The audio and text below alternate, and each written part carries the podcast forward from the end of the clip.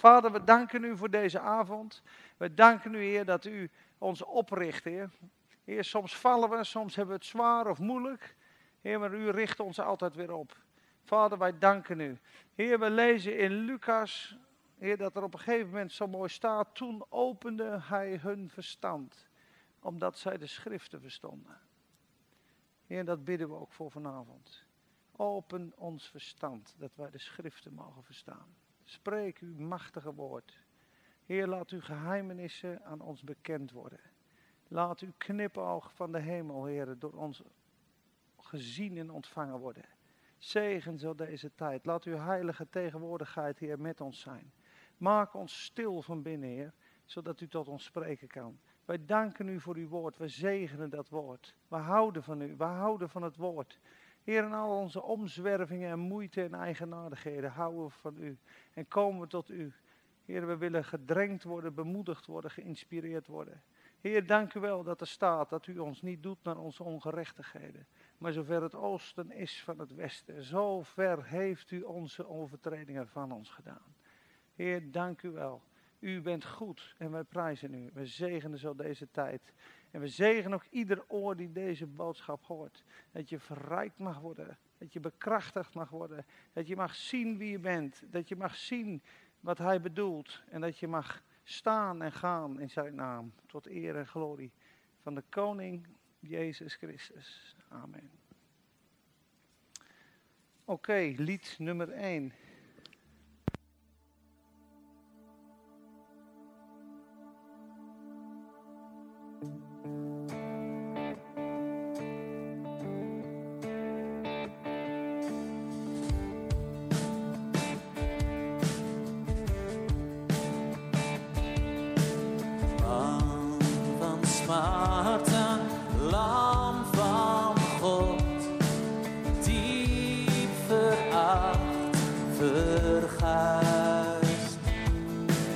onze straf, de toorn van God, droeg Jezus.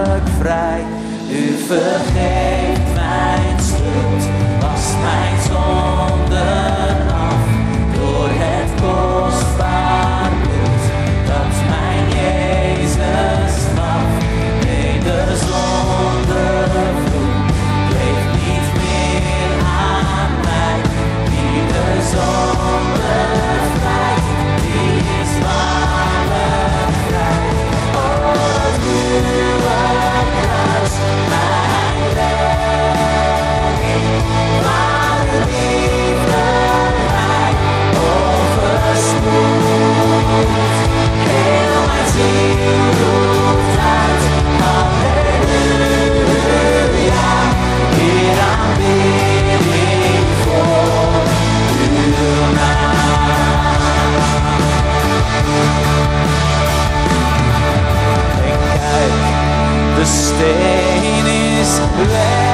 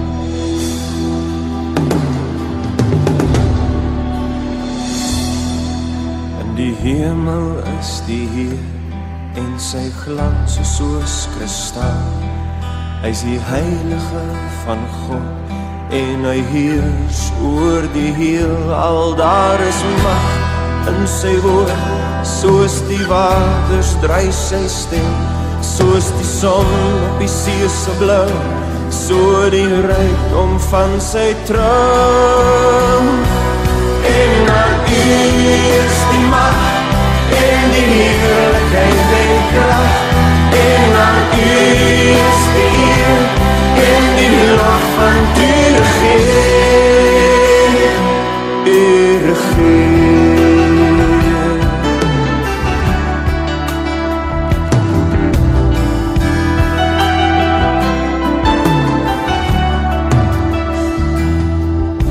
miljoene in gereedheid staan die engele om sy troon verbuister in sy sieraad en die wilde van sy kroon Daar is macht in sy woord, soos die water stryf sy stem, soos die son op die see se blou, so die rykdom van sy troon.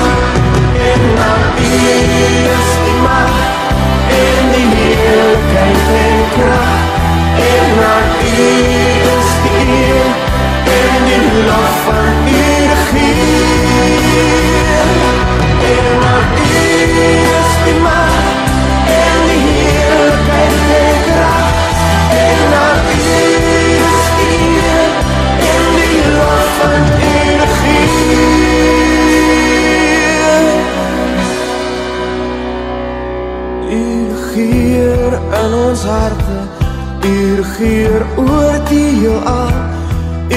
Regeer in ons lewens, U regeer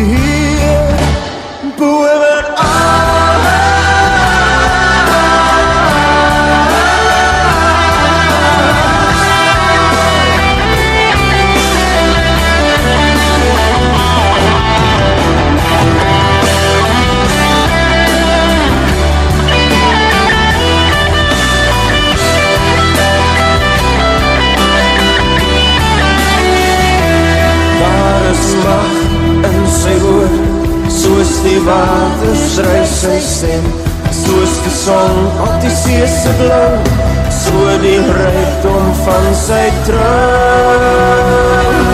En aan U is die mag en die heerlikheid en krag, en aan U is die eer en die lof van U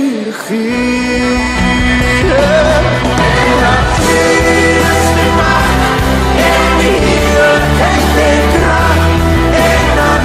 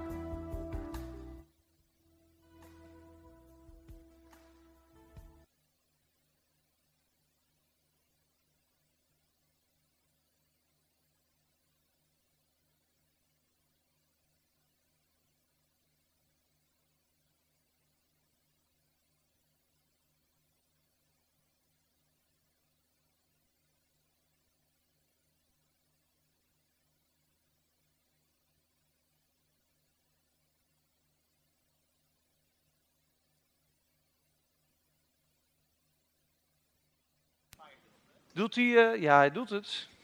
Kijk eens aan. Ik wil nog een klein stukje lezen uit 1 Korinthe 2. Het laatste gedeelte. Dan wil ik 1 Korinthe 3 lezen.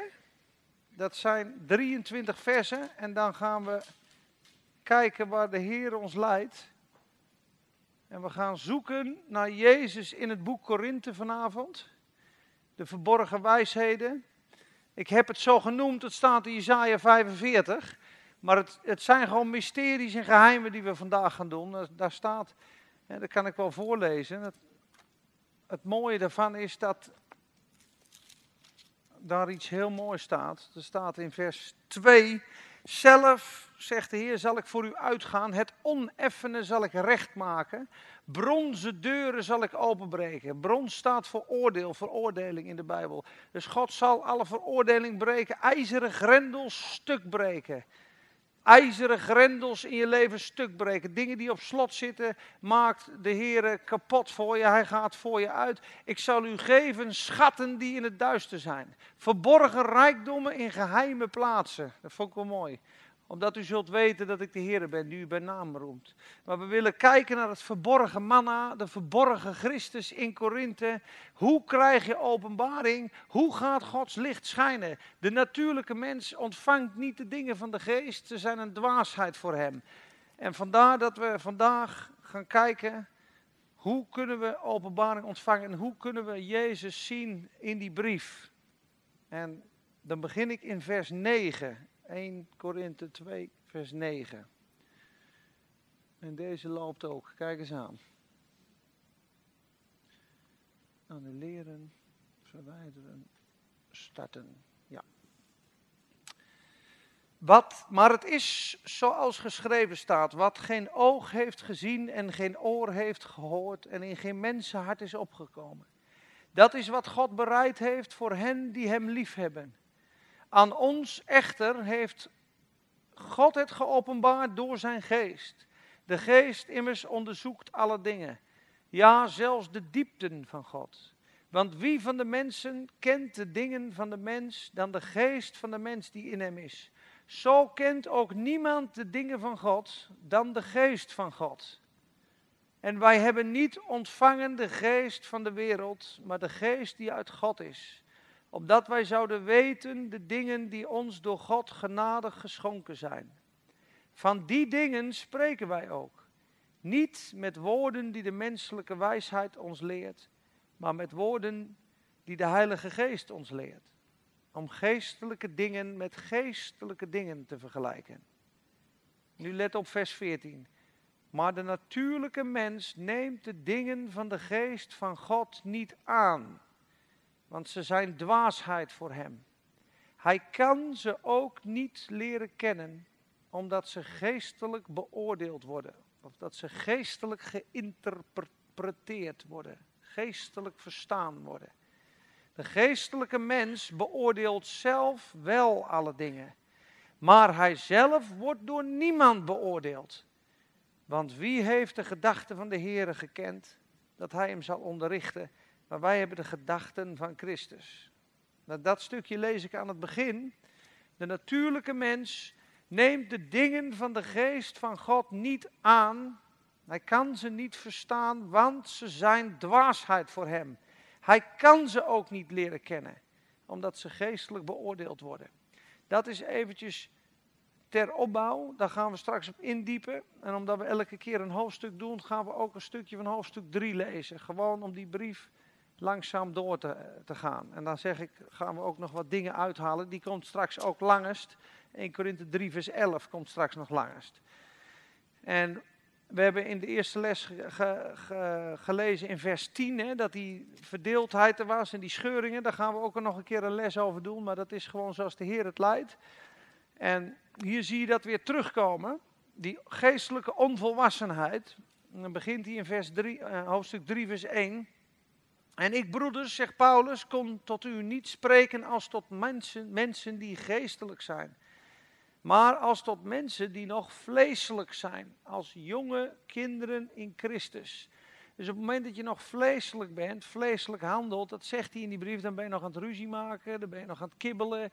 Dan zit je nog, ik ben hervormd, ik ben uh, christelijk geïnformeerd, uh, ik uh, hoor hierbij, ik word daar blij van, van dat boek. En iedereen die het daar niet mee eens is, die is niet mijn vriend. dan ben je eigenlijk nog een baby. Dat staat hier. Jonge kinderen zijn vleeselijk. Dus ben je vleeselijk christen, ben je niet een, een, een ellendeling. Je gaat ook niet verloren. Als je vleeselijk wandelt, ben je gewoon nog een kleine baby. En het is tijd om op te groeien. Ik heb u met melk gevoed en niet met vast voedsel, want dat kon u niet verdragen zegt hij. Ja, dat kunt u ook nu nog niet, want u bent nog vleeselijk. Want als er immers onder u afgunst is, jaloezie, kijk je nog naar de ander, en ruzie en tweedracht, bent u dan niet vleeselijk en wandelt u dan niet naar de mens? Zie is gewoon een natuurlijke wandel. Dan is het verschil tussen een christen en een, geloof, of een ongelovige is bijna niet te zien, omdat het puur natuurlijk is. En dat zegt hij, dat zegt hij tegen die Corinthiërs. En dat zegt hij ook tegen ons. En af en toe wandelen we natuurlijk allemaal als kinderen. Dan lopen we te kibbelen en te zeuren. Wandelt u niet naar de mens, vers 4, want als iemand zegt, ik ben van Paulus en een ander, ik van Apollos, bent u dan niet vleeselijk?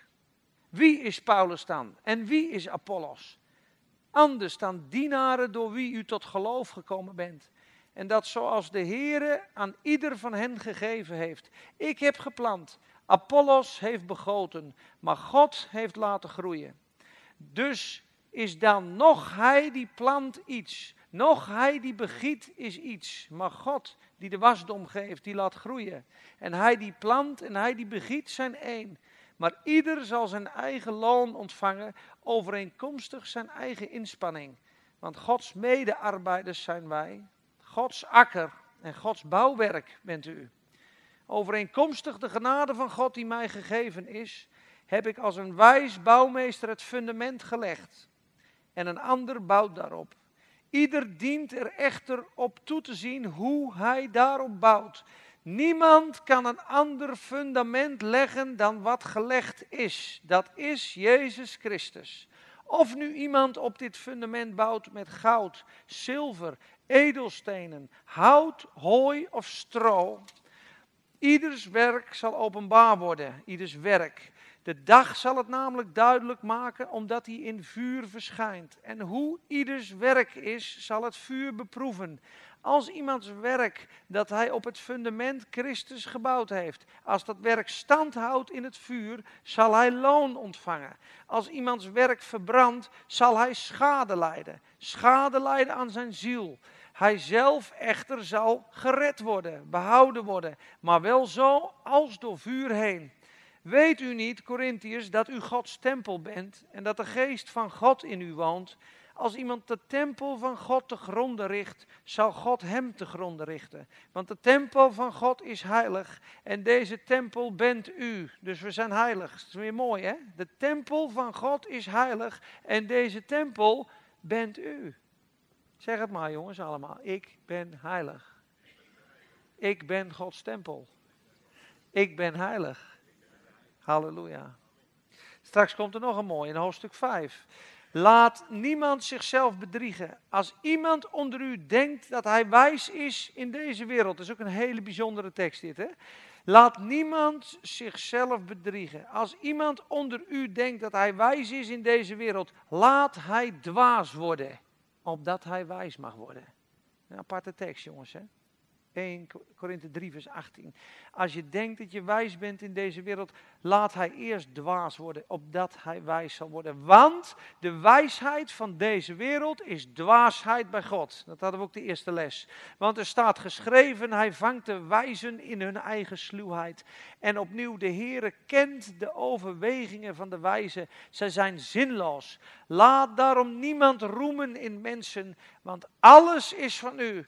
Alles is van mij. Zeg maar, alles is van mij. Het zij Paulus, het zij Apollos, het zij Kefas, het zij de wereld, het zij het leven, het zij de dood, het zij tegenwoordige dingen, het zij toekomstige dingen.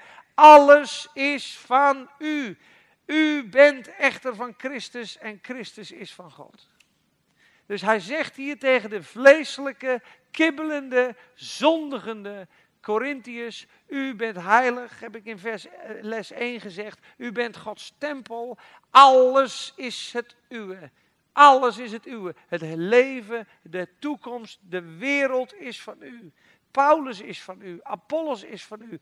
Dit hoofdstuk vernedert Paulus zichzelf en laat hij eigenlijk zien wat is nou het probleem van dat vleeselijke gedrag. Is eigenlijk ze vergelijken zich met zichzelf. Het staat er met die afgunst, omdat ze allemaal nog wat zijn in zichzelf. En daarom praat hij over, hij die plant is niets, hij die watert is niets, maar God die de wasdom geeft. Wie is Paulus? De een zegt van Paulus, de een zegt van Petrus, de een zegt van dat. Zegt hij, wie, wie zijn dat? Dat is helemaal niks. Het zijn dienaren die God gezonden heeft. En aan het eind zegt hij het weer. Alles is van u. U bent Gods tempel. Je hebt het allemaal. Je bent volkomen, volmaakt, perfect gevuld. Die hoef je niet meer te vergelijken en te kijken. Op het moment dat je dit dus niet weet, en daar hebben we allemaal wel eens last van, ga je kijken, ga je vergelijken en ga je ergens aan vastklampen. Dat is onvolwassen gedrag.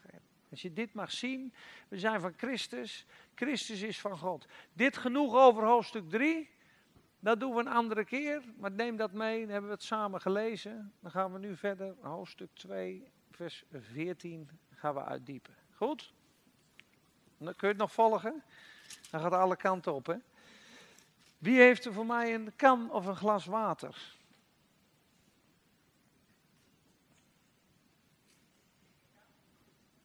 Ja, doe maar een hele kan. Ik heb horst, dorst. Ik heb horst. Oké. De natuurlijke mens neemt de dingen van de geest van God niet aan, want ze zijn een dwaasheid voor hem. Hij kan ze ook niet leren kennen, omdat ze geestelijk beoordeeld worden. Dus hij zegt hier, als je de Bijbel leest, als je met God communiceert, gaat het op een dieper niveau als het intellectuele niveau. Je kan de Bijbel niet begrijpen in je eigen verstand. Je kan de Bijbel alleen begrijpen met je geestelijke ogen. God wil schijnen met zijn licht door zijn Heilige Geest. Dat kan alleen in relatie. Het is ook onmogelijk om openbaring te ontvangen uit de Bijbel als je niet samen met de Heilige Geest leest. Lezen we zo mooi in vers 10. Hè. Zo kent ook niemand de dingen van God dan de geest van God. Dus eigenlijk is openbaring ontvangen, is gemeenschap hebben met de Heilige Geest. Op het moment dat je de Heilige Geest omarmt, op het moment dat je de Heer aanbidt in geest en waarheid, stroomt automatisch de rivier van openbaring. Op dat moment is het licht aan. Psalm 36, vers 10. In uw licht zien wij het licht. Op het moment dat je in het licht bent, begint het automatisch de, de, de gemeenschap uh, komt op gang. Je, je, je, je, zit in de zon, je wordt automatisch bruin. Op het moment dat je met God eigenlijk online bent, zou ik maar zeggen, gemeenschap, begint die openbaring gelijk te stromen. Gaan de geestelijke ogen open en kan je de dingen van de Bijbel ontvangen. Dus dat is wel duidelijk. Lees in relatie, lees met de Heilige Geest. En over die, uh, die dingen van de Geest heb ik nog een heel iets moois gevonden. Als je nou God zoekt, ga ik naar, je mag het opzoeken, je kan het ook opschrijven, je kan het ook naluisteren. Maar er staat in Psalm 81 staat iets heel moois. Want God heeft namelijk voor die zoekende christen, heeft hij geheimenissen heeft hij diepe lagen in het woord. En openbaring spreekt over het geheime, verborgen manna. Je hebt het manna, geef ons heden ons dagelijks brood. Dat is, je leest je Bijbel. En je hebt ook het verborgen manna dat God geeft aan mensen die God willen zoeken in het verborgene. In de geheime plaats. En in vers 81, of vers 81, in Psalm 81, vers 12 tot 17. Daar staat iets heel moois. Dat is dus op het moment dat je, heb ik vorige keer ook gedeeld uh, op de alfa, op het moment dat we ongehoorzaam zijn, verlies je openbaring. Ik, ik, leefde vroeger van maandag tot vrijdag met de Heer. En dan was ik effectief de Bijbel aan het lezen. En maandag zette ik hem uit. En maandag, uh, zet, vrijdag zette ik hem uit. En maandag zette ik hem weer aan. En ik kwam eigenlijk nooit verder in mijn leven. En ik denk, wat is dat toch raar? Ik lees toch elke dag, ik bid toch. En eh, ik merkte gewoon, op het moment dat je de gemeenschap met God verliest, kom je in het duister. En gaat de, het logische denken en de wereld neemt de overhand. Dat is precies wat die gelijkenis van het zaad zegt. Hè? De misleiding van de rijkdom en de zonde verstikken het woord en het wordt onvruchtbaar. En elke keer was ik door de week aan het lezen en het werd geroofd door de boze. Maar als je in het woord blijft, indien je in mijn woorden blijft, zult gij de waarheid verstaan. En de waarheid zal u vrijmaken. Dus het is van essentieel belang om bij de Heer te blijven. En Satan is een meester in het verstoren van die relatie. Met afleiding, met zonde, met aanklacht, met moeite, met zorgen, met verschrikking, met verdrukking. Hij wil alles doen om onze gedachten op andere dingen te brengen. Op programma's kijken die niet ertoe doen. Doe wat met je denken. Om te piekeren en zorgen te maken, staat er ook de gelijkenis van het woord. De zorgvuldigheden van dit leven verstikken het woord. De misleiding van rijkdom. Misleiding van zonde. Uh, als hij het woord gehoord is, komt er vervolging vanwege het woord. En dan wordt hij terstond geërgerd. En het woord wordt vruchteloos. Dus er kan wel eens een situatie voorkomen dat je ontzettend onredelijk behandeld wordt of dat je aangevallen wordt. En hoe reageer je dan? Als je dan in hem blijft, kan dat woord wortelen kan die openbaring wortelen. Dus dat is erg belangrijk, anders kan je geestelijk niet groeien. Het zegt hier precies hetzelfde in Psalm 81. Maar mijn volk heeft naar mijn stem niet geluisterd. Israël is tegenover mij onwillig geweest. Daarom gaf ik hen over aan hun verharde hart. Er staat heel mooi in de Statenvertaling, daarom gaf ik hen over aan het goeddunken van hun boze hart. Dus je hebt een bals hart van nature. Ik denk dat dit wel de goede weg is. Dan zegt God, prima. Ik geef je over aan het goed dunken van je balse hart. Dan krijg je de vrucht van je eigen handelingen. Doe het dan maar zelf. Zodat zij in hun eigen opvattingen voortgingen. Nou, wat zegt hij in vers 14? Och, had mijn volk naar mij geluisterd, was Israël in mijn wegen gegaan. In korte tijd zou ik hun vijanden hun onderworpen hebben. Mijn hand gekeerd hebben tegen hun tegenstanders. Wie de Heere haten, zouden zich geveinsd aan hem onderworpen hebben. Maar hun tijd zou voor eeuwig geweest zijn. Ja, hij zou van de beste tarwe hen te eten gegeven hebben. Ja, ik zou u verzadigd hebben met honing uit de rots. Zie je dat? De rots is het woord, is Jezus. Honing zijn de zoete dingen, de diepe lagen van de Bijbel. Als je God gehoorzaamt en met hem meewandelt, krijg je de diepste lagen van, van het woord. De beste tarwe. De beste tarwe. Honing uit de rots is voor degene die God blijven volgen. Mooi hè? Openbaring 2:17 zegt eigenlijk hetzelfde. Openbaring 2:17 zegt.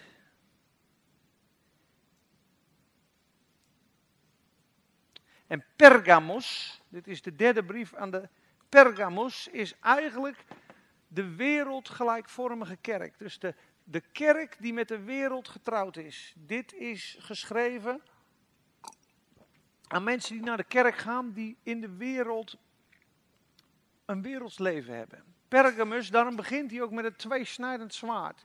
Dat de ziel van de geest verdeelt, dat de aarde van de hemel verdeelt. En, eh, en hij zegt hier dit. Ik schrijf aan de engel in de gemeente Pergamus 2.12. Dit zegt hij die het tweesnijdende scherpe zwaard heeft. Zie, hij komt met een tweesnijdend zwaard. Ik ken uw werken en weet waar u woont. Waar woont u dan? Namelijk daar waar de troon van Satan is. Dat is de wereld. U houdt vast aan mijn naam en u hebt het geloof in mij niet verlogend. Zelfs niet in de dagen van Antipas, mijn getrouwe getuige die gedood werd. Daar bij u waar de Satan woont, maar ik heb enkel dingen tegen u. Namelijk dat u daar mensen hebben die zich houden aan de leer van Biliam, die Balak leerde voor de Israëlieten een struikelblok neer te leggen, omdat zij afgodenoffers zouden eten en hoererij bedrijven. Zo hebt u er ook die zich houden aan de leer van de Nicolaïten en dat haat ik. Bekeer u dan, en zo niet, dan kom ik spoedig bij u en zal ik tegen hen oorlog voeren met het zwaard van mijn mond. Let op, wie oren heeft, laat hij horen wat de geest tegen de gemeente zegt. Aan wie overwint, zal ik van het verborgen manna te eten geven. En ik zal hem een witte steen geven met op die steen een nieuwe naam geschreven, die niemand kent dan degene die hem ontvangt. En dat gaat weer over een wereldsgelijkvormig leven, verzaken. Wie de wereld verzaakt en God navolgt, heeft het verborgen manna, heeft honing uit de rots, krijgt de diepste lagen van het woord. Nog even een vraag tussendoor. Zo hebt u er ook die zich houden aan de leer van de Nicolaïten, dat haat ik. Wie weet wat dat betekent? Dat is wel mooi om te weten. De leer der Nicolaïten. Deze werken haat ik, zegt, de God, zegt God. Valse leer kan. Dit, dit is wat je je hele leven mee kan nemen. Dit haat God. Nicolaïte betekent dit. Nikos is hoog. Laos is laag. Nicolaïte is hiërarchie in de kerk. Is, is mensen die andere mensen vertrappen om hoger te komen in de kerk. Anderen naar beneden duwen om zelf een mooie positie te krijgen.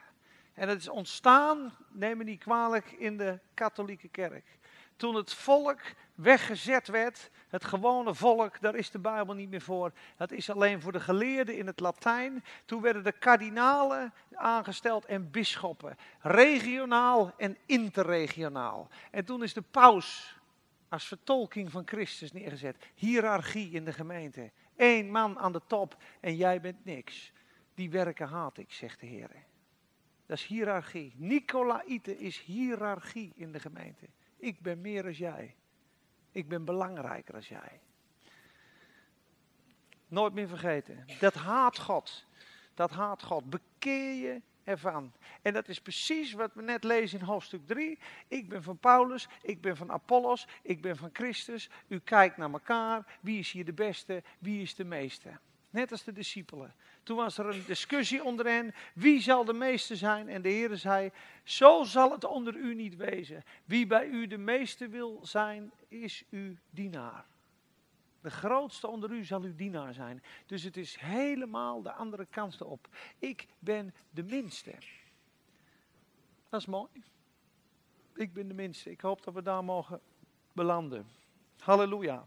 Oké, we gaan een aantal teksten vanuit Korinthe, ik belichten, kun je thuis ook lekker nalezen, waar de Heer Jezus verborgen is, verborgen rijkdommen in geheime plaatsen. Blader lekker mee, neem een pen, onderstreep, bid uit, overdenk. Begin in vers 1, vers 24. Dat hebben we ook behandeld, de eerste les. 1 Korinthe, sorry. Ja, 1 Korinthe 1, vers 24.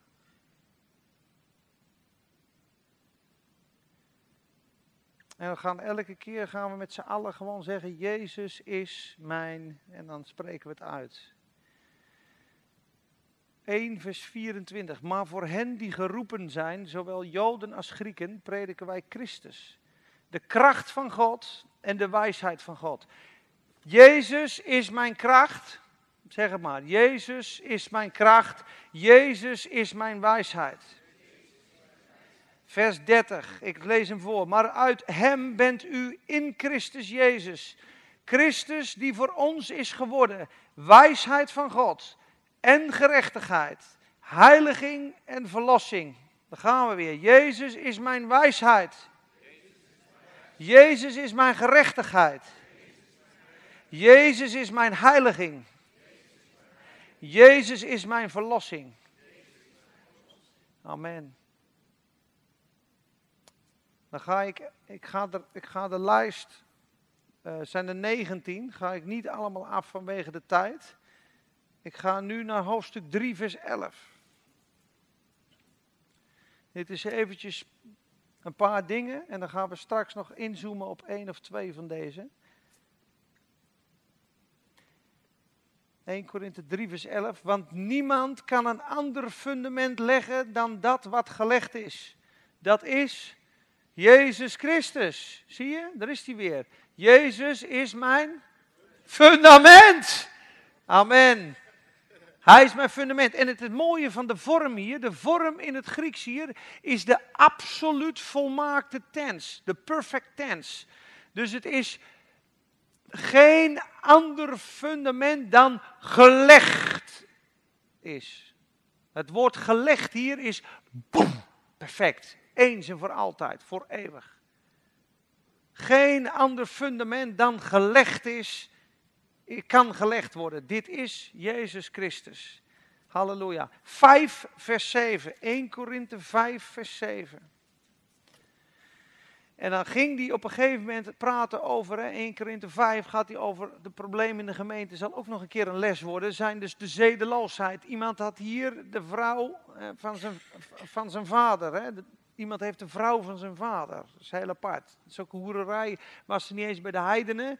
Dus je moet nagaan. Ik denk dat hij zijn uh, moeder verloren is en dat uh, zijn, zijn, vader uh, een nieuwe vrouw heeft gekregen. En de zoon van die man had een seksuele relatie met die vrouw, met, zijn, met zijn, de vrouw van zijn moeder, hè, of de vrouw van zijn vader. misschien is het wel zijn moeder, maar goed, het, het, staat er, het staat er een beetje anders. Iemand heeft de vrouw van zijn vader. En dan zegt hij. Um, uw roem is niet goed. Een klein beetje zuurdeeg maakt het hele deeg zuur in vers 6. En dan zegt hij in vers 7: Verwijder dan het oude zuurdeeg. Dus dat gaat over iemand die zondigt in de gemeente. Opdat u een nieuw deeg zult zijn.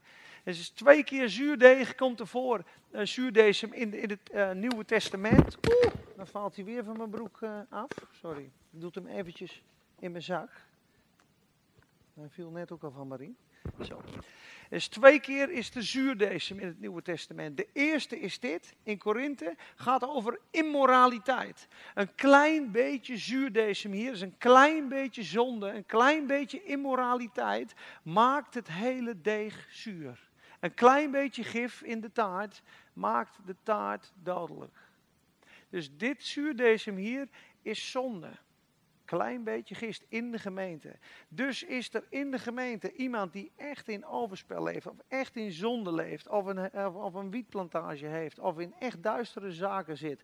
En die neemt dat mee in de gemeente, zal het de hele gemeente bevlekken.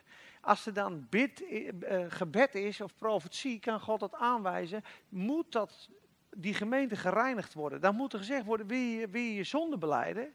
Nou ik wil vasthouden aan de zon, dan moet je de plaats verlaten. Want anders komt dat hele zuurdesem komt door de hele gemeente heen. En in de eerste gemeente bij Ananias en Safira ging het helemaal heftig. Die vielen dood neer, er was grote vrees. De tweede zuurdesem staat in Galaten. Galaten 5. Galaten 5 vers 8 zegt, een klein beetje, of eh, vers 9 zegt, een klein beetje zuurdesem maakt het hele deeg zuur. Staat het weer. In Galaten 5 is het zuurdesem wetticisme. Wetticisme. Staat namelijk vers 7, u liep wel gelaten, u liep wel. Wie heeft u verhinderd de waarheid gehoorzaam te zijn? En dit gevoelen is niet uit hem die u roept. Dit pusherige gevoel, er staat deze kwade overtuiging om iets voor God te presteren, is niet uit hem die u roept. Een klein beetje gist maakt het hele deeg zuur. Dus, daar betekent het, een klein beetje wetticisme maakt de hele genade ineffectief. Een klein beetje wetticisme maakt de hele genade ineffectief. Een klein beetje werken voor God, al is het maar een klein beetje, maakt de genade van God ineffectief. Daar zeg je eigenlijk dat kruis, de werking van Gods geest in mij is niet voldoende. Ik moet God een handje helpen. Ik moet zelf de zonde overwinnen. Ik moet mijn uiterste best doen voor God. Dan neemt de kracht van de genade af. Dus wij moeten komen tot het punt dat de kracht van God, daarom gaan we hier ook langest, Jezus is mijn kracht. Jezus is mijn wijsheid. Heer, ik weet niet wat ik moet doen, maar Jezus is mijn wijsheid. Vader in de hemel, ik dank u wel met een glimlach zeg je dat dan, dat alle wijsheid in mij woont. Jezus is mijn wijsheid. Ik dank u wel dat u door uw Heilige Geest de dingen aan mij bekend maakt. Ik zit in een moeilijke situatie, ik weet absoluut niet wat ik moet doen. Wat is wijsheid? Heer, spreek tot mij, u bent mijn wijsheid. En ik loof u en ik prijs u en ik dank u ervoor. Heer Jezus, u bent mijn wijsheid. Wat zal ik doen? En ik geloof dat God het je laat zien op dat moment. U bent mijn wijsheid. U bent mijn rechtvaardigheid. De Satan klaagt je aan. Je hebt gezondigd. Je schiet tekort. Je bent onwaardig. Jezus is mijn gerechtigheid. Niks fout met Jezus. Niks fout met mij. Satan, Klopt, ik heb gezondigd, maar het bloed heeft gevloeid. Satan, klopt, ik schiet tekort, maar Jezus is mijn rechtvaardigheid. Ik heb een wonderlijke rechtvaardigheid, zit aan de rechterhand van de troon van God. Praat maar met hem. Zoek je mij? Jij wil me laten focussen op mijn zonde, ik laat jou focussen op de zoon. God heeft op wonderlijke wijze voorzien in rechtvaardigheid door het geloof. Ik stel mijn vertrouwen op Jezus en zijn bloed en dat maakt mij vrij van elke aanklacht en zonde. Zelfs als je gevallen bent. Juist als je gevallen bent. Het is makkelijk. Hè? Als alles goed gaat, je zondigt niet, je zit lekker aan tafel. Oh, ik ben rechtvaardigheid Gods. Halleluja. Maar wat als je net op je snuffert gegaan bent? Ben je dan nog steeds rechtvaardigheid Gods? Of ben je nu ineens niet meer rechtvaardigheid Gods? Wie denkt er? Wat, wat, wat? Ben je nog steeds Gods rechtvaardigheid als je gevallen bent of niet? Ja toch? Tuurlijk. Ben je nog steeds zijn kind? Tuurlijk. Is een kind kind af als die met 160 door het rode richt rijdt? Nee, natuurlijk niet. Maar dan krijgt wel een boete. En je kan ook je vaders hart bedroeven. Je kan ook je dochter, hè, pa en ma, onze zus praat al jaren niet meer met ons. Ze is nog steeds de dochter. Maar het doet wel pijn. Er is geen gemeenschap. Snap je? Zo kan je met God ook Gods hart bedroeven, de Heilige Geest bedroeven, maar je bent zijn kind. En God wil dat je terugkomt. En hoe zegt hij dat? Zo mooi in ook Jezaja 45. Keert weder tot mij, want ik heb u verlost. Keert. Ik heb uw zonden als een dikke wolk uitgewist, zegt hij. Keer weder tot mij, want ik heb u getrouwd. Dus je roept het volk, ik heb u getrouwd, ik heb u verlost, ik heb uw zonden uitgewist als een dikke wolk. Dat doet je terugkeren tot God. Als we vallen, moeten we juist toepassen, Jezus is mijn rechtvaardiging. En de heiliging. Hij is ook mijn heiliging. Ja, maar ik ben onderweg. Dit is nog niet goed in mijn leven. Ik ben nog niet nederig genoeg. Ik ben nog niet stabiel genoeg. Ik ben nog niet liefdevol genoeg. Ik lees te weinig. Ik bid te weinig. Jezus is mijn heiligmaking. Jezus is mijn absolute, perfecte afgezonderdheid. Heiligmaking is, ik ben afgezonderd. Afgezonderd van de wereld. Afgezonderd van alles wat niet met God te maken heeft. En Jezus is mijn heiligmaking. Dus aan de rechterhand van God staat Jezus ook. Ik ben ook jouw heiligmaking. Ik ben volkomen afgezonderd van alles. En ik ben bij God en ik vertegenwoordig jou. Dus God kijkt naar Jezus en die zegt: Je bent perfect geheiligd. En die staat krijg je ook toegerekend. En dan zegt God, ja maar ik kijk niet nu naar het nu, ik kijk naar de, naar de finish. Ik weet nu al in de eeuwigheid dat je straks staat te dansen voor die troon. Dus ik kijk nu straks een volmaakte Jan van Boeien, een volmaakte Sylvia, een volmaakte Esther. Je bent nu nog onderweg in dat proces, maar voor mij is het proces al afgesloten. Want de laatste is, Christus is ook mijn verlossing. En de rechtvaardiging is voor de zonde van het verleden. De heiliging is de weg ernaartoe. En de verlossing is de volkomen voleinding. Dus de rechtvaardiging, de heiliging en de verlossing is Jezus ook. Allemaal toepasbaar. Dan, als je wankelt, hij is mijn fundament. Hier in vers 7, let op, verwijder dan het oude zuurdeeg, opdat u een nieuw deeg zult zijn. U bent immers ongezuurd. Die is ook mooi, hè?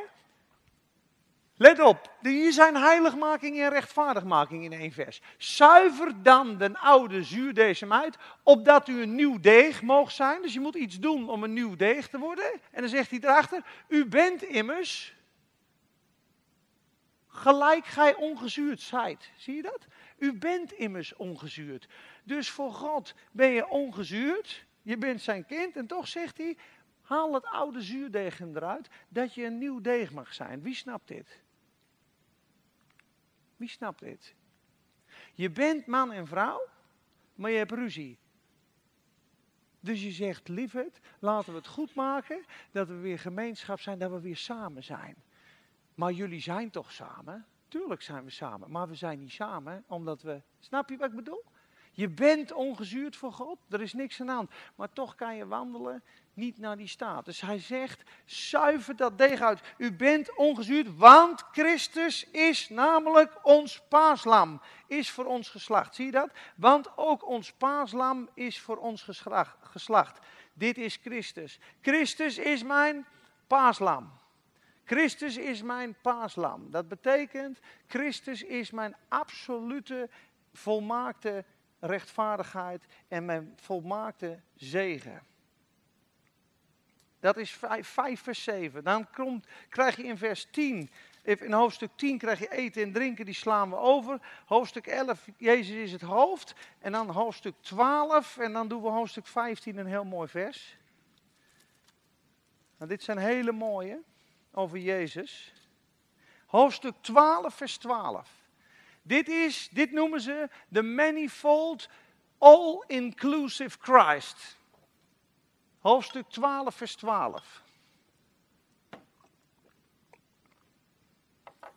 Want zoals het lichaam één is en veel leden heeft, en al die leden van dit ene lichaam, hoewel het er veel zijn, één lichaam zijn, zo is het ook met Christus. Dat is een mooi vers, hè?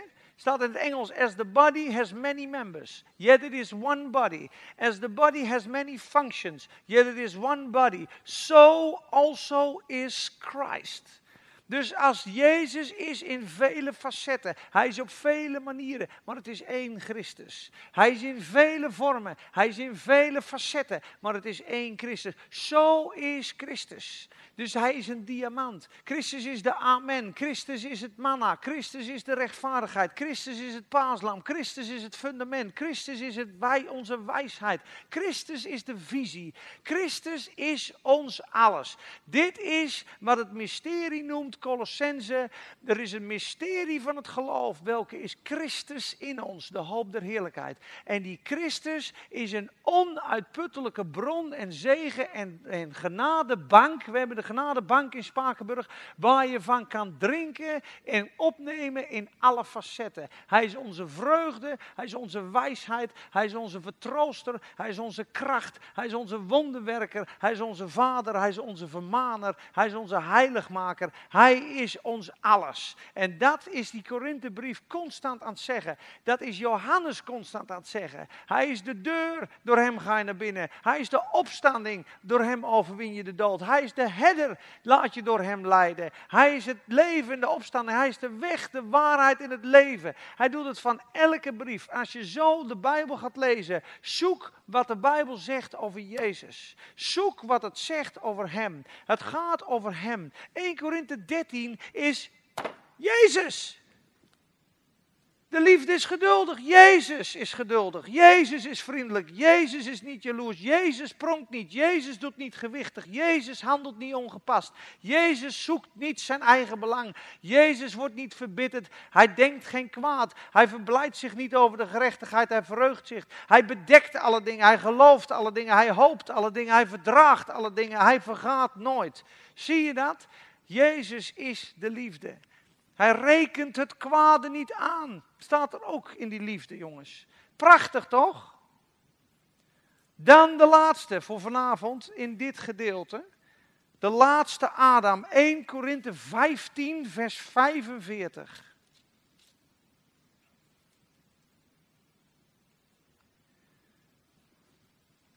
En dan ga ik je wat vertellen wat je waarschijnlijk nog nooit gehoord hebt. Jezus is een geest. Maar dat wist je al niet. Je hebt de Heilige Geest. God is geest. De Heilige Geest. Jezus is een geest. Wist je dat Jezus een geest is? Staat er, hè? Zo staat er ook geschreven, de eerste mens, Adam, is geworden tot een levende ziel. De laatste Adam is geworden tot een levendmakende geest. Zie je dat? De laatste Adam is geworden tot een levendmakende geest. Het geestelijke echter is niet eerst, maar het natuurlijke en daarna komt het geestelijke. De eerste mens is uit de aarde stoffelijk. De tweede mens is de Heere uit de hemel. Zoals de stoffelijke is, zo zijn ook de stoffelijke mensen. Zoals de hemelse is, zo zijn ook de hemelse mensen. Zie je dat? We zijn net als Jezus. En zoals wij het beeld van de stoffelijke gedragen hebben, zo zullen wij ook het beeld van de hemelse dragen. Zie je dat? Wat is Jezus? Jezus is mijn identiteit, mijn beelddrager. Jezus is de tweede mens. Jezus is de levenmakende geest, de levengevende geest. Dit noemen ze de pneumatic Christ. Pneuma is geest, de geestelijke Jezus. De geestelijke rots waaruit zij dronk in de woestijn, hoofdstuk 10. De geestelijke rots. Het water wat uit de rots kwam, is een beeld van Jezus. In de droge woestijn spreek je tot de rots. Weet je waarom? Mozes het beloofde land niet in mocht. Waarom, waar, weet iemand dat? Waarom? Hij sloeg de rots. En weet je wat dat betekent? Dat hij Jezus sloeg. En hij sloeg de rots de eerste keer, dat was goed. En de tweede keer moest hij tegen de rots spreken en toen sloeg hij weer.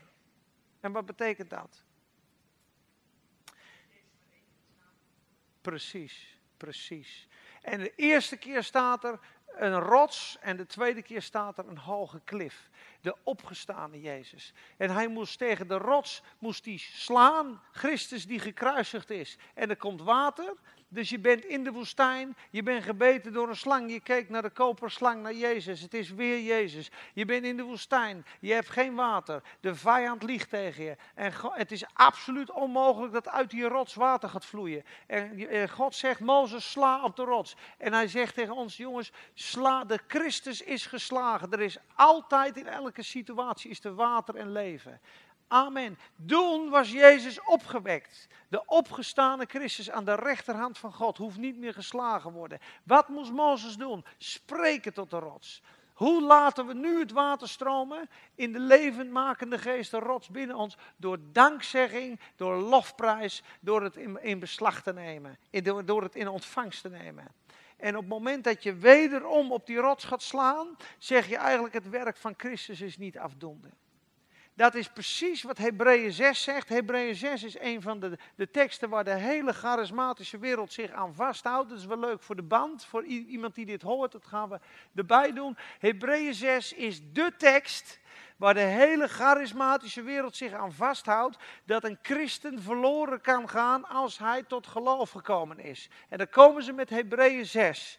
En Hebreeën 6, laten we het maar lezen. Dat, dat is prima, dat is mooi in lijn met 1 Korinthe 3 vers 11. Want 1 Korinthe 3 vers 11 is Hebreeën 6, zal ik je vertellen. Voor een ieder die dit hoort, en ieder die dit hoort, 1 Korinthe 3 vers 11, geen ander fundament dan wat er gelegd is, kan gelegd worden. Het is namelijk Jezus Christus. Jezus is het fundament. Let op wat er in hoofdstuk 6 staat aan het begin. En ik begin uh, voor de context in hoofdstuk 5 vers 11. En dit krijgen we er zomaar bij. Dit was niet in de planning. Maar dan weet je dat ook. Dan heb je de Nicolaïten heb je meegekregen vandaag in je tas. En dit is, let goed op tegen wie die spreekt, let op. En het komt mooi in lijn hè, met hoofdstuk 3, want daar hadden we het ook over geestelijke onvolwassenheid net. Hè. Hij praat tegen Hebreeën. Die Hebreeën waren gegroeid vanuit kinderlijk geloof tot, laten we zeggen dat ze 7, 8, 9 jaar in het geloof waren. En toen kwamen er een paar judaïsten aan en die brachten ze weer onder werken en onder wet. En toen gingen ze weer terug. Dat kan in het geestelijke leven. Dan kan je weer degraderen. Als je nu in het normale leven zeven bent, dan word je niet meer één. Maar dat kan in het geloof dus wel. Ze werden weer baby's. Let maar eens op wat er staat. Geestelijke onvolwassenheid, hoofdstuk 5 vers 11. Over hem Me- Melchizedek is dat in dit stuk. Over de hoge priester hebben wij veel dingen te zeggen die moeilijk zijn om uit te leggen, omdat u traag geworden bent in het horen. Want hoewel u, gelet op de tijd, leraars zou moeten zijn, hebt u wederom, zie dat, wederom iemand nodig die onderwijst in de grondbeginselen van de woorden van God. U bent geworden als mensen die melk nodig hebben en niet vast voedsel. Zie je dat? Ze zijn teruggegaan in hun geloof. Vertraging en afval. Als je je geloof laat varen, je doet er niks meer mee, ga je degraderen. Dat zei ik al aan het begin met openbaring. Je gaat het verliezen. Je kan geen pauze nemen in God. Je kan niet zeggen, ik laat het even waaien. Je gaat het verliezen. Als je terug bent, ben je ook weer zo terug op het niveau. Dat moet ik wel zeggen. Er zijn mensen, als je hier gezeten hebt, je hebt een tijdje God, eh, is het moeilijk geweest of je hebt je afgekeerd. Je bent, ze zeggen, als je twee weken de Heer met een zuiver hart navolgt, ben je weer terug op je oude niveau. Dus dat is weer een hele mooie bemoediging. Twee weken lang, Heer, ik ben u, ik prijs u, ik loof u, ik dank u. Alle, alle bellen gaan weer rinkelen. Halleluja. Goed, maar goed, let op. Hij praat dus tegen mensen die teruggegaan zijn, gedegradeerd in hun geloof. Die zijn melk. Melk. Ze kunnen het melk, vast voedsel niet verdragen. Ieder immers die van melk leeft, is onervaren in het woord van de gerechtigheid, want hij is een kind. Maar voor de volwassenen is er het vaste voedsel. Voor hen die hun zintuigen door het gebruik ervan geoefend hebben, om te kunnen onderscheiden tussen goed en kwaad. Let op, dan komt de context. Laten wij daarom ja? Laten wij daarom het onderwijs met betrekking tot Christus laten rusten en doorgaan tot de volmaaktheid. Er staat hier doorgaan tot volwassenheid. Dus eigenlijk zegt hij tegen die baby's, het wordt nu tijd dat jullie op gaan groeien. Zonder opnieuw, opnieuw het fundament te leggen van bekering van dode werken en van geloof in God. Wat is dit? Opnieuw het fundament leggen. Dat is Jezus twee keer slaan. Dat is twee keer een fundament leggen. Zonder opnieuw het fundament te leggen van bekering van dode werken, geloof in God, leer van dopen, handoplegging, opstanding van de doden en het eeuwig oordeel. Dus als je weer een fundament gaat leggen, dan moet je dus weer hand opleggen, weer geloven in God, weer dopen, weer een eeuwig oordeel, terwijl het oordeel al geveld is voor eeuwig zalig. Ja, let op. Dit zullen wij ook doen als God het toestaat. En nu komt het. Want het is onmogelijk voor hen die eens verlicht zijn geweest, die de hemelse gaven geproefd hebben en deelgenoot zijn geworden van de Heilige Geest, die het goede woord van God geproefd hebben en de krachten van de komende wereld, en die daarna afvallig worden, weer opnieuw tot bekering te brengen, omdat zij voor zichzelf de Zoon van God opnieuw kruisigen en openlijk te schande maken. Als je dit stukje niet begrijpt in context, dan lees je het zo. Dan denk je, nou luister, dit is een christen het is onmogelijk als je dus eens verlicht was, je hebt de Heilige Geest gekregen, je hebt het goede woord van God gehoord, je hebt de kracht van de Heilige Geest gezien, je wordt afvallig, dan kan je niet meer opnieuw tot bekering gebracht worden. Dat is onmogelijk, dan heb je Jezus opnieuw gekruisigd. Dit is hoe iedereen het interpreteert. En, ze, en de duivel zei dat altijd tegen mij. Als ik terugviel in cocaïne of drugs, zei hij, en nu is het ongeveer de 130ste keer. Ja? En, nu, en nu is het onmogelijk voor jou om nog tot bekering te komen. Jij hebt Jezus opnieuw gekruisigd. Jij bent afvallig geworden. Voor jou is geen hoop meer. En het betekent het tegenovergestelde. Want hij zegt namelijk, let maar eens op, om, weet je wanneer uh, zij Christus opnieuw kruisigen? Als zij wederom een fundament leggen. Dat is als je Jezus opnieuw kruisigt.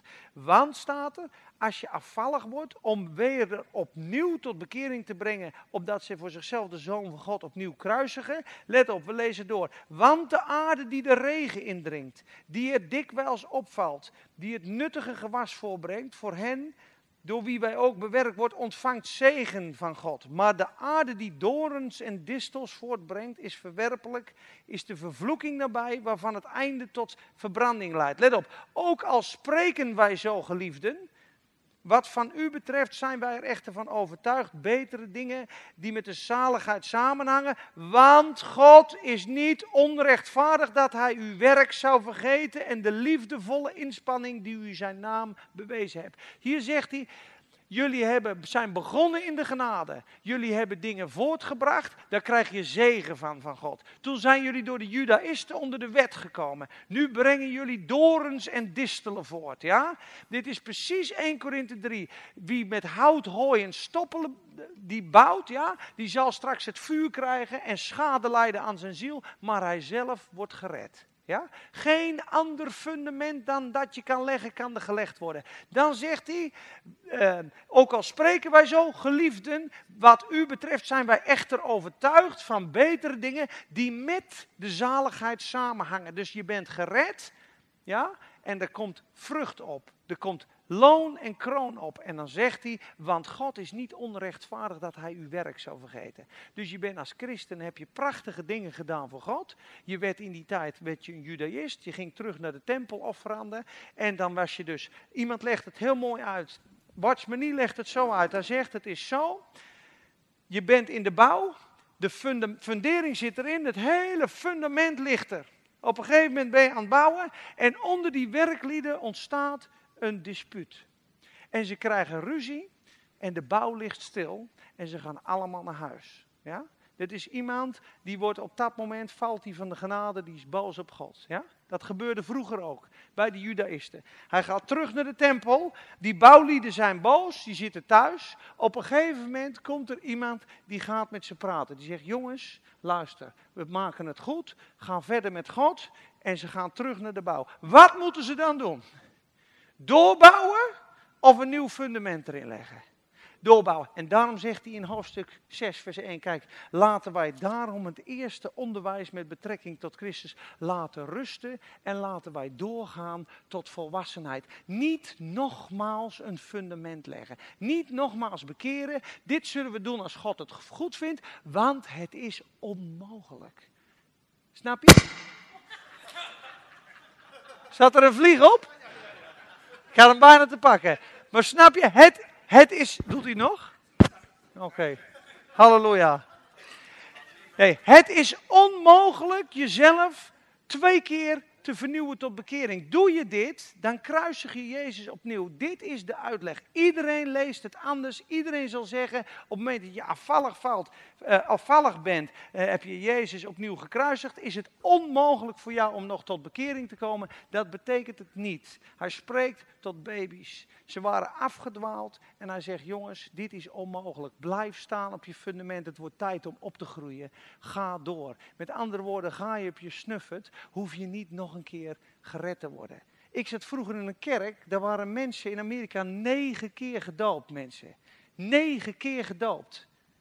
En waarom? Omdat was een jongen, die zat in de, aan de heroïne en die viel terug in de heroïne. En die kwam weer terug in de kerk en dan zei ze, je was een christen, je hebt weer in de heroïne gezeten, dus je hebt weer in de zonde gezeten. Je moet je opnieuw bekeren, je moet opnieuw gedoopt worden, opnieuw vervuld met de Heilige Geest, want anders ga je verloren. En die jongen bleef terugvallen. En bij de tiende keer in het doopbad werd er gezegd, nou jongens, nu is het echt wel genoeg. Michael Moses, laat het nu maar gaan. Dit zijn de verhalen die er zijn. Ik zeg op het moment dat het fundament er ligt, Jezus Christus is het fundament. We lezen het in 1 Korinthe 3. Ik zal het nog een keer voorlezen. Dan moet je goed lezen wat er staat.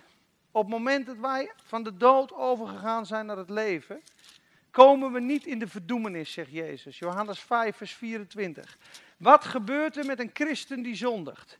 Wat gebeurt er met een christen die een baby blijft?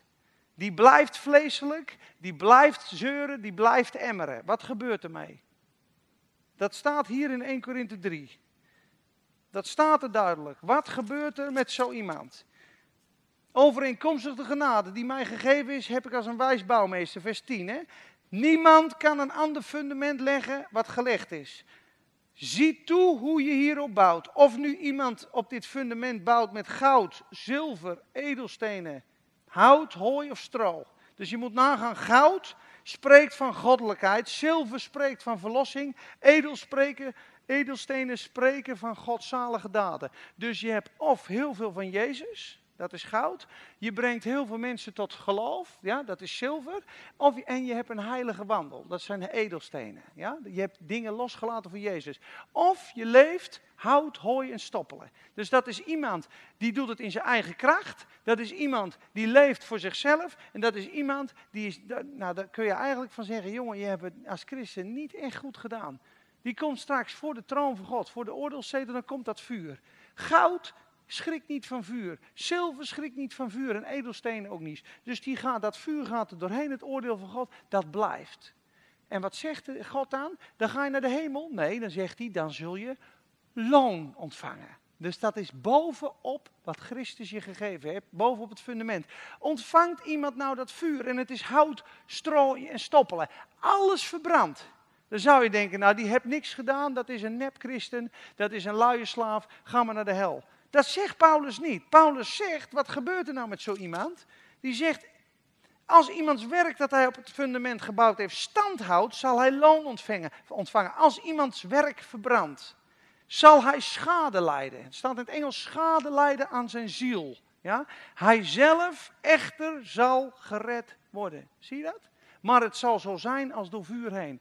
Dus dat betekent dat je al je loon en je erfenis kan verpesten door een leven dat je niet godzalig nawandelt. Dit is precies wat Hebreeën 6 zegt over de doornen en de distel. Het einde daarvan is de verbranding. Maar God is niet onrechtvaardig dat hij uw werk zou vergeten. Dit is hoe ik het lees.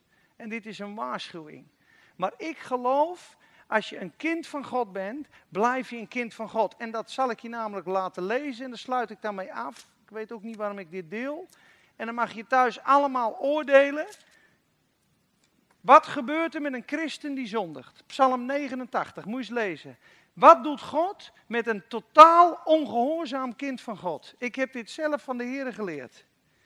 Het is heftig wat er staat, maar er zit een gigantische, voor mij is dit een gigantische vertroosting. Psalm 89, en dan beginnen we in vers 25. En daar sluiten we dan mee af. En dat noemen we dan Jezus onze eeuwige verlossing. Hij is ook mijn eeuwige verlossing. Ja? Dit gaat over Jezus. Mijn trouw, zegt God, en mijn goede tierenheid zullen met mij zijn. Zijn hoorn zal in mijn naam opgeheven worden. Ik zal zijn hand op de zee leggen, zijn rechterhand op de rivieren. Hij zal tot mij roepen, u bent mijn vader, mijn God en de rots van mijn heil. Ja, dus Jezus roept, u bent mijn vader, mijn God, de rots van mijn heil, de vaste grond van mijn verlossing. Ja, ik zal hem tot een eerstgeboren zoon maken, tot de allerhoogste van de koningen van de aarde. Ik zal mijn goede tierenheid tegen hem, tegenover hem voor eeuwig houden en aan mijn verbond met hem trouw blijven. Ik zal zijn nageslacht voor eeuwig laten bestaan en zijn troon als de dagen van de hemel. Let op vers 31. Als zijn kinderen mijn wet verlaten, ja, in mijn bepalingen niet gaan als ze mijn verordeningen ontheiligen en mijn geboden niet in acht nemen, dan ben kinderen van God, dan zal ik hun overtreding met de roede straffen en hun ongerechtigheid met slagen. Maar wat staat er? Maar mijn goede tierenheid zal ik bij hem niet wegnemen en in mijn trouw niet falen. Ik zal mijn verbond niet ontheiligen en wat over mijn lippen gekomen is niet veranderen.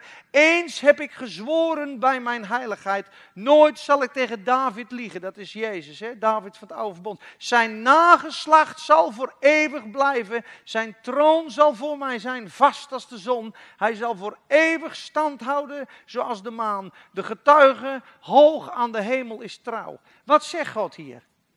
Als je mijn wet verlaat, als je mijn geboden ontheiligt, als je niet in mijn wegen gaat, zal ik je ongerechtigheid bezoeken met plagen en met slagen. God gaat je dan kastijden, God gaat je tuchtigen, dan kan hij je helemaal vast laten lopen. En toch belooft hij, maar mijn goede tierenheid zal ik nooit weghalen. En dit doe ik omdat ik trouw ben aan David met een D, aan Jezus en zijn verbond. Zijn bloed en zijn offer hebben gevloeid voor de zonde en toch doe ik bezoeking erover. Dit is voor mij zoals ik het lees. Want anders was deze jongen nooit meer teruggekomen bij God. Dan had dit voor mij al lang onmogelijk geweest. Want ik ben zat vaak bij de Heeren weggelopen. Ik ben zat vaak afvallig geworden. Ik ben zat vaak teruggevallen. Totdat ik de prediking hoorde. Jij kan Gods zoonschap niet verliezen. Jij bent zijn gerechtvaardigde zoon. Alleen God gaat je straks wel beoordelen. Wat heb je met je talenten gedaan? Wat heb je met je werk gedaan? Hoe ging je met je vrouw om? Hoe ging je met je kinderen om? Hoe was je voor je werkgever? En dan krijg je loon en kroon over. En als je als vleeselijk mens leeft, 1 Korinthe 5, kijk maar. Hij heeft de vrouw, de vader van zijn eigen huisvrouw. Kijk maar wat er staat in hoofdstuk 5. Deze man moet uit de gemeente gegooid worden. Dat zijn lichaam verteerd door de Satan. Maar zijn geest behouden blijft in de dag van de Heer. Staat er duidelijk. Zijn geest is opnieuw geboren. Dat is een, een deel wat niet meer veroordeeld kan worden. Maar zijn lichaam ging naar de Satan. Dat is iemand die komt onder het oordeel en die gaat naakt in. En dat is triest. Maar het is wel een kind van God. En dat lees ik duidelijk in 1 Korinthe 3. Amen.